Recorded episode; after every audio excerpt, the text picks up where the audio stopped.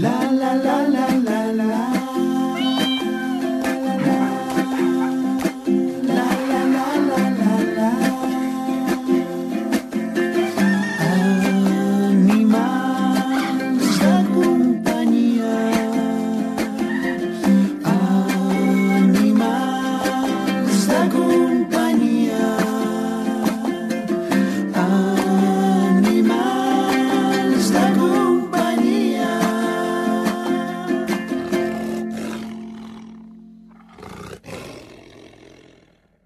Sabies que una gossa pigall surt a l'orla de la universitat com a graduada en Història? En aquesta última promoció, 25 estudiants s'han graduat en Història a la Universitat de Castella-La Manxa, però hi ha una 26a graduada, la Desi, la gossa pigall, que ha acompanyat Abel Beldat durant els 6 anys de la carrera. Segons la universitat, la fotografia de tots dos a l'orla resumeix una vida d'esforç i recompensa. Abel Beldat va perdre la vista fa sis anys. Després de deixar el bar que regentava, va decidir estudiar Història. I això que no sabia llegir braille i tot just havia obtingut el graduat escolar en una escola d'adults. Ja acompanyat per la DESI, va preparar les proves d'accés a la universitat per a majors de 45 anys i les va aprovar. Sempre li havia agradat la història. En tot aquest temps, la DESI ha estat una més de la facultat. Amb aquesta notícia indispensable pels qui teniu animals, comencem el podcast d'avui dedicat a allò que fa més feliç un gat. RAC més i Gosby us ofereixen Animals de companyia amb Bàrbara Julve, un podcast per una relació saludable amb els vostres animals. Us heu preguntat mai quines són les activitats que més gaudeixen els gats? Perquè un gat feliç necessita hores de son, però també activitat. Quines són eh, les claus per a la bona convivència? Doncs hem anat a buscar un especialista en això i anem fins a l'Argentina per parlar ara amb Alejandra López Irala, consultora certificada en comportament felí de rasca y pica. Alejandra, ¿qué tal? Bienvenida. Bienvenida, gracias, muchas gracias. Gracias por haberme invitado eh, a participar de este hermoso podcast. Eh, ¿Cómo andan por ahí? Les mando un gran abrazo ah, desde lejos. Muy bien, muchísimas ah, gracias, encantada que estés ah, con, con nosotros para hablar de este tema que parece como obvio, ya conocido, pero, pero no, porque hay muchas cosas todavía por, por descubrir. Y es que los gatos tanto adoran la actividad, su propia actividad, su independencia, pero también jugar y compartir con nosotros, con los humanos. ¿Tú qué piensas acerca de esto, Alejandra? Sí, la verdad es que hay un montón de opciones, ¿no? Que siempre les digo a todos los que me consultan que lo ideal es que nosotros tenemos que traer la naturaleza adentro de casa. Si bien al gato todos sabemos que les encantan dormir muchas horas, pero tiene un montón de pilares básicos, como digo yo, que hay que cumplir para estimular la parte mental y física, ¿no? Desde ya de juegos, estimulación olfatoria, estimulación visual, eh, auditiva. Hay un montón de opciones eh, que, que podemos brindarles a nuestros gatos. Por ejemplo, ah, has citado ahora algunos ejemplos eh, en relación al olfato, al tema visual. ¿Qué podemos hacer? ¿Qué ejercicios, qué actividades les pueden ir? Bien, te cuento. A ver, eh, en cuanto a lo que es olfato, lo que podemos ofrecerle es, como digo yo, un jardín olfatorio. Todos conocemos la famoso catnip o la hierba gatera. Exacto. Entonces, lo que podemos hacer es brindarle, ya sea comprándola, supongo que allá deben tener, no sé, acá les decimos viveros o ciertos pet shops donde las pueden conseguir y ustedes las pueden plantar en una simple macetita. Pueden conseguir menta, lavanda, lemongrass y todo eso es estimulación olfatoria para el gato. Al margen de los juguetes que, juguetes, que ya vienen con catnip, ¿no? Que también suman. Ahora, si nos vamos a la parte visual, partimos de la base desde que ya cualquier eh, mueble que podamos ubicar para que miren a través de una ventana, por ejemplo, es estimulación visual, videos de pájaros o animales, es estimulación visual, los famosos comederos de pájaros ubicados fuera de una ventana también es estimulación visual, o algo que ya va un poquito más allá son los famosos catios, que nosotros no sé si allá los conocen, que son los famosos patios para gatos, ¿no? Son eh, recintos seguros en el exterior. Por ejemplo, si alguna casa tiene un espacio con jardín o, con un patio, se arma un pequeño recinto más seguro, pero tiene acceso al exterior. Entonces permite, aparte, utilizar, no sé, lo olfativo, lo visual, eh, más allá de lo que juegos también. Hay diferentes opciones. ¿Es imprescindible que en casa tengamos un, un buen rascador? Exactamente. Eso es parte de la estimulación, sería táctil, ¿no? O sea, los gatos necesitan rascar, sí o sí, por su estimulación, para estirarse, ¿no? Para estirar su columna y para desgastar sus uñas, siempre. Y es vital porque, por ejemplo, mucha gente me consulta cómo hago para que mi gato no rasque los muebles o no me rasque el sofá, ¿no? Entonces, para eso necesitamos sí o sí un rascador. No, no hay otra opción que se pueda evitar si no tenemos un rascador. Es una realidad. Tú Y también es otra parte más de lo que son las estimulaciones. Claro, claro, y tanto. Tú hablas de ah, traer a casa la naturaleza. A los gatos les encantan las alturas. ¿Cómo podemos ah, imitar esto en casa? Bien, para eso existe justamente lo que llamamos la famosa gatificación, ¿no? O sea, ambientar el hogar con muebles en altura. Existen los árboles para gato, que son los famosos rascadores en altura, ¿no? que también tienen tanto rascador con hilo sisal, con alfombra, pero también tenemos la opción de armar estantes. Estantes donde armemos como una autopista, como quien dice, para que los gatos puedan subir y bajar. Y más si tenemos más de un gato en casa, porque muchas veces queremos evitar conflictos. Entonces es ideal los espacios 3D. Hablamos de subir, de bajar, eh, cazar. También es un instinto que no pierden, que no pierden nunca, ¿no? Que forma parte de, su esencia. ¿Esto cómo se los podemos facilitar? Exactamente. Bueno, esa es la parte de, de los juegos, ¿no? La parte predatoria. Siempre digo que nosotros tenemos como un pequeño tigre en casa, entonces tenemos que darle estimulación, justamente.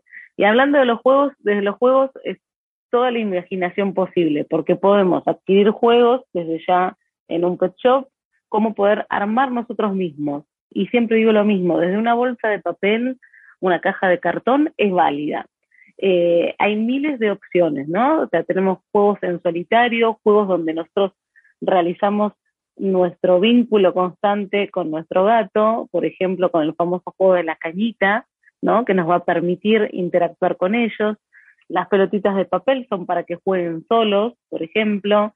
Eh, hay miles de opciones, pero sí o sí es una rutina que tiene que estar establecida en la vida de nuestro gato. ¿En qué se trata concretamente esto de la cañita, Alejandra? Bien, el juego de la cañita es, por ejemplo, es un- una simple varilla, ¿no? De largo que nos permite tener una distancia con nuestro gato para que no juegue con nuestro cuerpo justamente y podamos simular el juego de la caza y la presa. De esa manera, enérgicamente jugamos constantemente. Por ejemplo, puede tener plumas, puede tener una ratita, puede ser una cinta. Y ahí lo que nos va a permitir es conocer bien a nuestro gato, porque no todos los gatos son cazadores de presas de aire, sino de presas de tierra. Entonces a algunos les gusta, por ejemplo, el tema de eh, las plumas, lo que huele, lo que simule ser un ave, y hay otros les gusta más lo de tierra, un gusano, bueno, lo que sería como una víbora, y entonces nos permite enérgicamente hacer exactamente e imitar lo que sería el famoso juego de la caza y la presa. O sea, el gato acecha, persigue, persigue más de una vez, más de diez veces, hasta que realmente logra matar a la presa. Y si nuestro gato ha comido bien, está lleno, ¿seguirá igualmente cazando? Es decir, es un tema de... sí, sí, la verdad que sí. A ver, es una rutina, como siempre digo, que la tenemos que tener desde el primer día hasta el último. Obviamente, de acuerdo a las edades y, y la personalidad de cada gato, va a cambiar, ¿no? Pero por más que esté gordito, como dicen algunos, va a jugar igual, porque esa es una rutina que nosotros tenemos que establecer siempre. Porque por ejemplo, si nosotros no tenemos esa rutina de juego constante donde desgasta mental y físicamente, ¿qué pasa? A veces acumula esa energía y de repente empiezan otras conductas. Muy bien, Alejandra. Y ah, para ir ah, terminando, por ejemplo, ahora mi, mi gata Michette está durmiendo. ¿La tengo que despertar ah, precisamente para, para jugar, para, para animarla un poco y hacer actividad? ¿O es mejor que la deje ahí tumbada en el sol mientras está tomando? Lo ideal sería que si nosotros establecemos una rutina, la puedas presionar, cuando digo presionar es entre comillas, ¿no? Para poder establecer una rutina de juego. Los gatos son de periodos cortos de juego. Entonces, lo ideal sería tener cuatro, tres veces mínimo rutinas de juegos durante el día. Entonces, uno se organiza entre su vida normal, si uno sale, si no sale, y establezco estos periodos cortos de siete minutos, cinco minutos. Siempre digo lo mismo, prefiero que sea corto, pero de buena calidad. Y actividades y juego con nuestros felinos, tengan la edad que tengan, Alejandra, o sea, aunque Sí, ya- siempre. De acuerdo. Sí, o sea, la edad eh, lo único que diferencia es que va a disminuir y la va a marcar el animal siempre, o sea, lo que es eh, en cuanto a la energía, ¿no? Que tiene. Tal vez un gato ya pasado los 10 años duerme más de lo normal o disfruta más justamente de estar al sol, por ejemplo. Entonces, nos va a marcar él un poquitito cuando tenemos que jugar. Perfecto, pues interesante entrevista para hablar de las actividades que más gustan a nuestros gatos, de la mano de la consultora certificada en comportamiento felino de Rasca y Pica, Alejandra López Irala. Muchísimas gracias, Alejandra. Vemos que un gato sano y feliz necesita realizar actividades y conductas propias eh, de su especie, pero también nuestra obligación es facilitarles eh, todo esto. Muchísimas gracias. Gracias a vos, Bárbara, por invitarme. Un placer estar con ustedes. Y bueno, les mando un, beso enorme a la distancia. Recargolat sobre una manta de patchwork, de panxa amunt sobre el llit o assegut a la falda, estigui com estigui, en ell aquest felí de la nostra convidada d'avui desprèn felicitat plena i té una companya, la bola. No fa tant, ells dos també tenien una altra companya, en Goku, un gos gros i negre abandonat que va acabar a la llar d'Empar Moliner. Sí, sí, l'escriptora Empar Moliner, que avui és amb nosaltres al podcast. Empar, com estàs? Benvinguda. Gràcies, encantada. Parlar de mascotes sempre fa il·lusió. T'agraden Sí, els animals? T'agraden, eh? Sí, sí, sí, sí. sí. Eh, eh, jo tinc un germà que, que és eh, granger, que té de tot. Té cabres, té... I, i, i tots li van. Té, i, I té un agaporni, i, i, la, clar, la, la, i la seva mm, companya és veterinària. I llavors, per exemple, tots dos són una mena de llar de gossos i gats que ningú vol, desahuciats, que se'ls queden. O sigui, que em ve de família. I tant que sí. I ara eh, per casa teva en corren dos, Antell, la bola... Com, com són aqu aquests animals? Fa gràcia, eh? perquè eh, és veritat que, que cada animal és com és. No? I, i, i tu, tu els, els tractes de la mateixa manera, però cadascú és com és. I ja està. Llavors, hi ha gent que ja, eh, tu, et diu tothom no, els gats són molt independents. És veritat, eh? És veritat que els, els gats van a la seva i són molt interessats.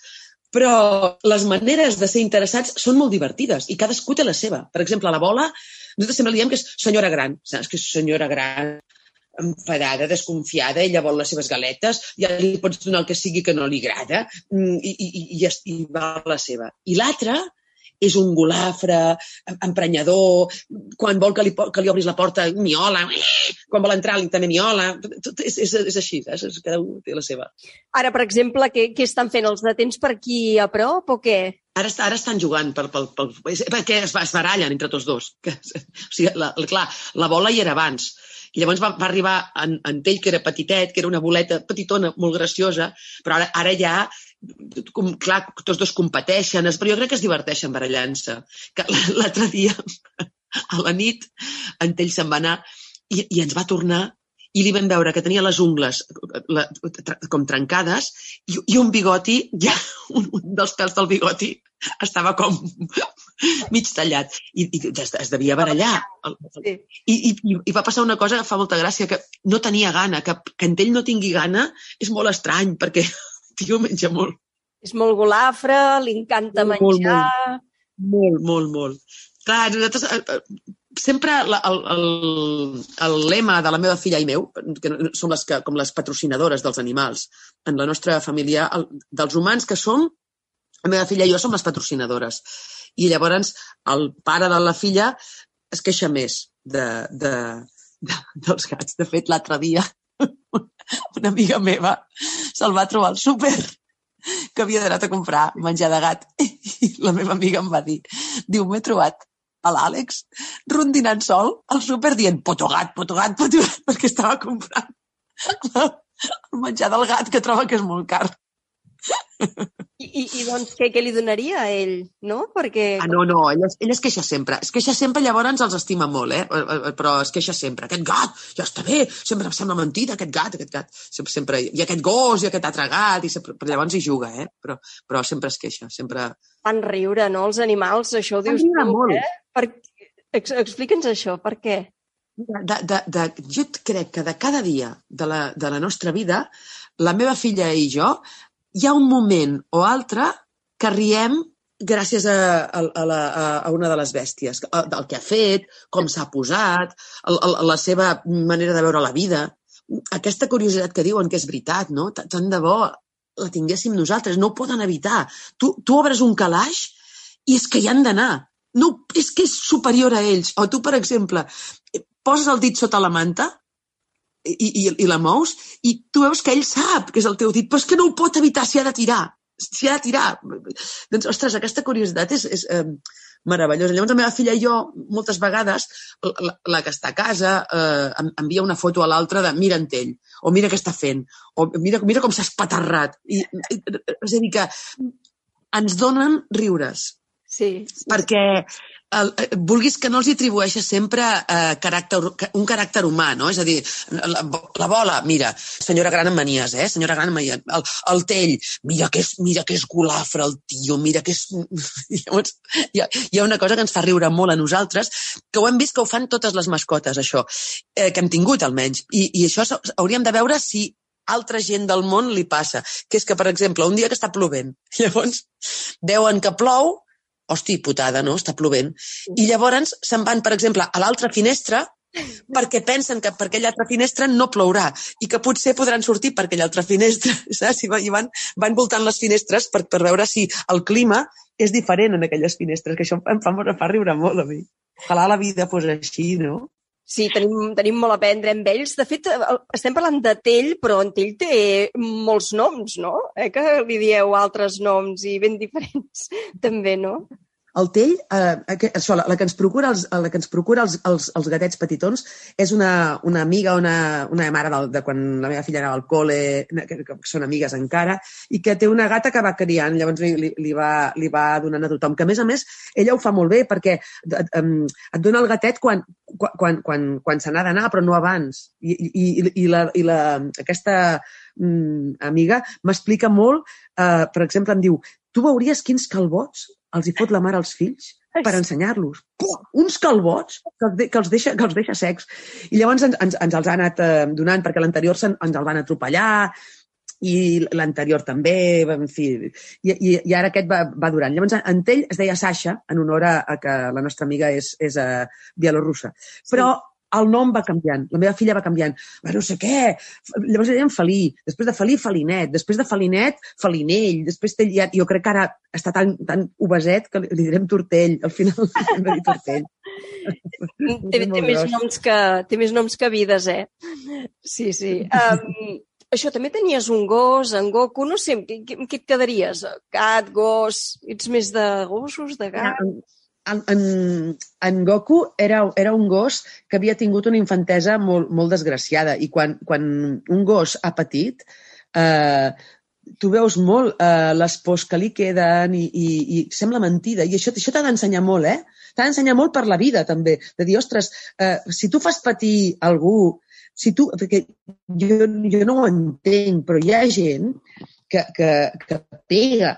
Jo, jo això no, que, que pega, que fa mal, que, que, que, que, que entendre. Quan, quan algú, eh, potser tu t'han dit, què passa? És que de petita no li arrencaves la cua a les sargantanes? Eh, jo no, jo no ho feia, jo no, no, no. Uh, uh, jo sempre he, he tingut respecte per les, per, per, pels, pels animals del meu voltant. M'agrada que estiguin bé, però i pels humans i les plantes, a mi m'agrada que tot estigui bé. Llavors, aquest estava lligat, per lo que em van explicar a la gossera, i, i el pagaven, li donaven menjar quan els hi donava la gana, estava en una fàbrica i es va escapar. I aquest gos sempre va tenir por de tothom. Mm, tenia por dels homes manoracs. O sigui, quan el vam tenir al principi, veia un home manorac i es pixava de, de por. els dels homes grossos, de, de, o sigui, sempre va tenir por. Quan veia un, un bastó pel carrer...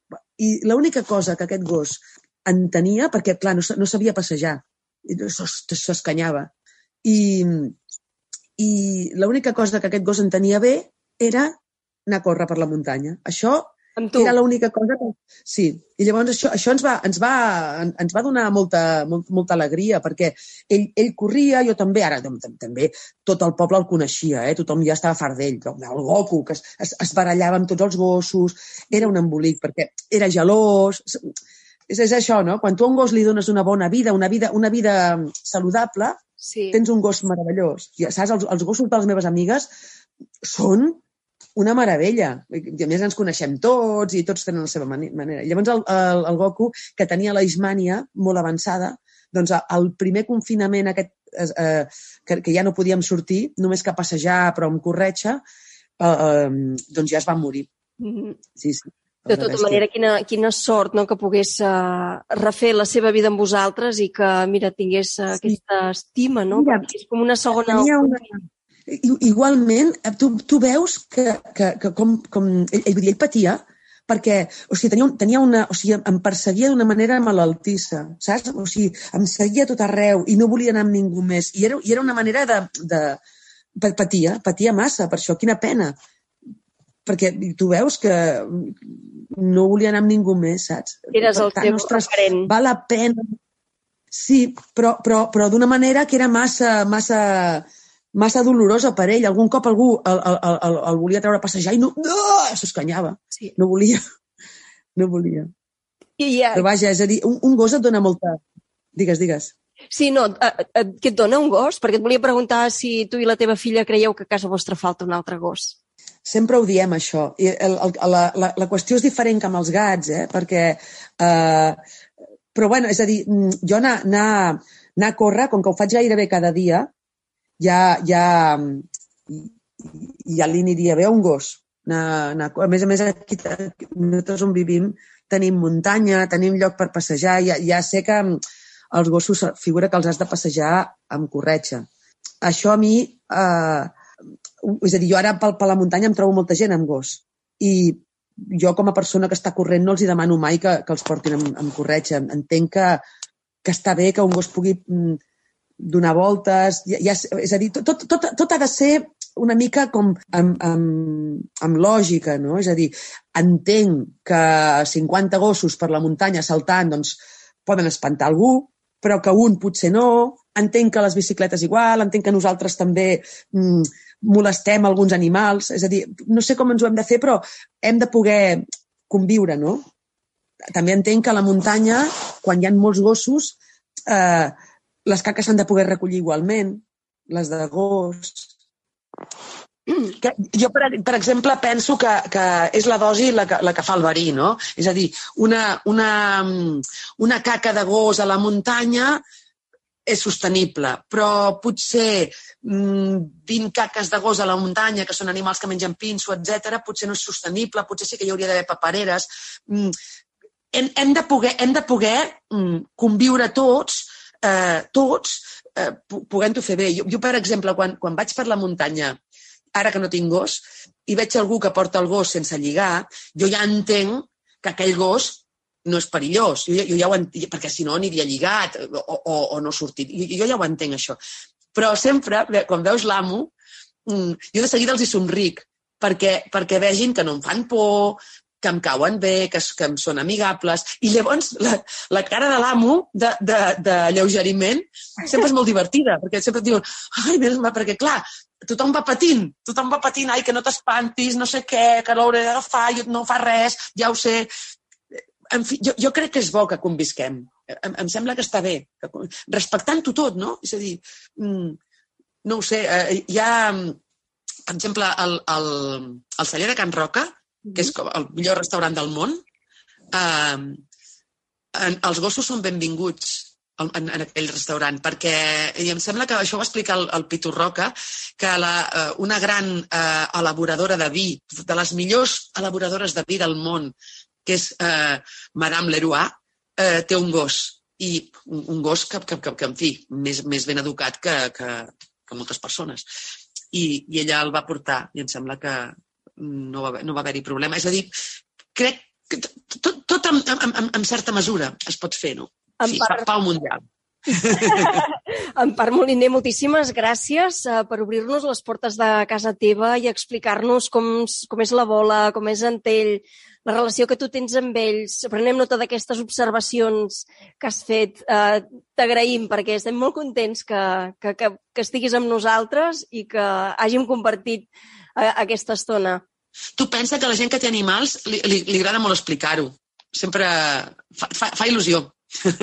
Parlar d'ells i tant que sí. Doncs mira, si uh, n'hi ha algun de nou per casa teva, uh, ens ho fa saber. I per què pensava d'exòtic? T'agradaria tu tenir algun animal exòtic? No, no, no, no, no. No, no m'hi veig gens. És que el, el, el... Iguana. No, no, no.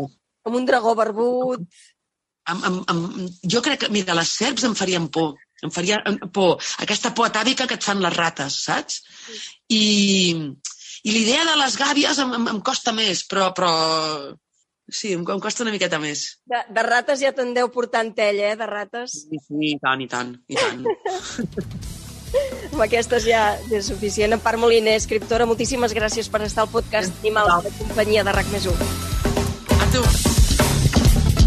Doncs ara és hora del concurs. Tenim les fotografies a punt. També tenim en Jordi Gamell a punt aquí al nostre costat, expert en fotografies i xarxes socials. Jordi, què tal? Com estàs? Aquí acabant de veure totes les fotografies intentant decidir-me a veure quina guanya. N'has de triar una, ja ho saps, una tasca difícil, però una vegada més, un podcast més, t'hem rebut moltes imatges i hem d'escollir-ne una que és la millor. Quina és per tu aquesta imatge que t'ha captivat i que t'ha seduït?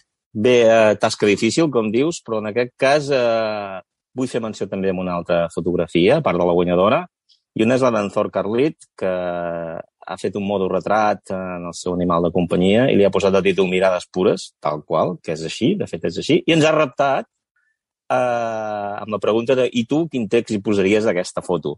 Té uns quants comentaris que val, val, la, pena, val la pena veure. Però, esclar, eh, ha d'haver-hi un guanyador, i en aquest cas eh, el guanyador és la Nanúria. La Nanúria que fa set anys que té el seu gos la Labrador, que el van a recollir a Gavà, i ha fet un petit reportatge en quatre fotos d'ella i el seu gos, que val, val molt la pena veure.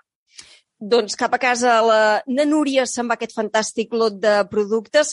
Jordi, la gent pot continuar enviant imatges perquè el, el concurs continua. Només han de penjar la imatge del seu animal de companyia al perfil d'Instagram i posar tres etiquetes, arroba gosbi baix oficial amb dos Fs, arroba animalrespect baix on tour i arroba animals de companyia raco. Ai, per cert, posar també el hashtag eh, concurs gosbi raco. Amb tot això ja queda tot dit. Jordi, vols afegir alguna cosa més? Sí, eh, animar-vos a continuar penjant fotografies dels vostres animals de companyia i, i sort a tots. Molt bé, doncs Jordi, doncs moltíssimes gràcies i ens retrobem en el proper podcast. No em fallis! Fins la propera! RAC més i Gosby us han ofert Animals de companyia amb Bàrbara Julve, un podcast per una relació saludable amb els vostres animals. Sabies que Gosby és la marca catalana per excel·lència en la preparació d'aliments d'alta qualitat per als nostres gats i gossos? Perquè alimentar és una forma d'estimar, Gosby, l'alimentació conscient per als teus gats i gossos. Ens trobaràs en clíniques veterinàries i comerços especialitzats de proximitat. Consulta'ls a gosby.com.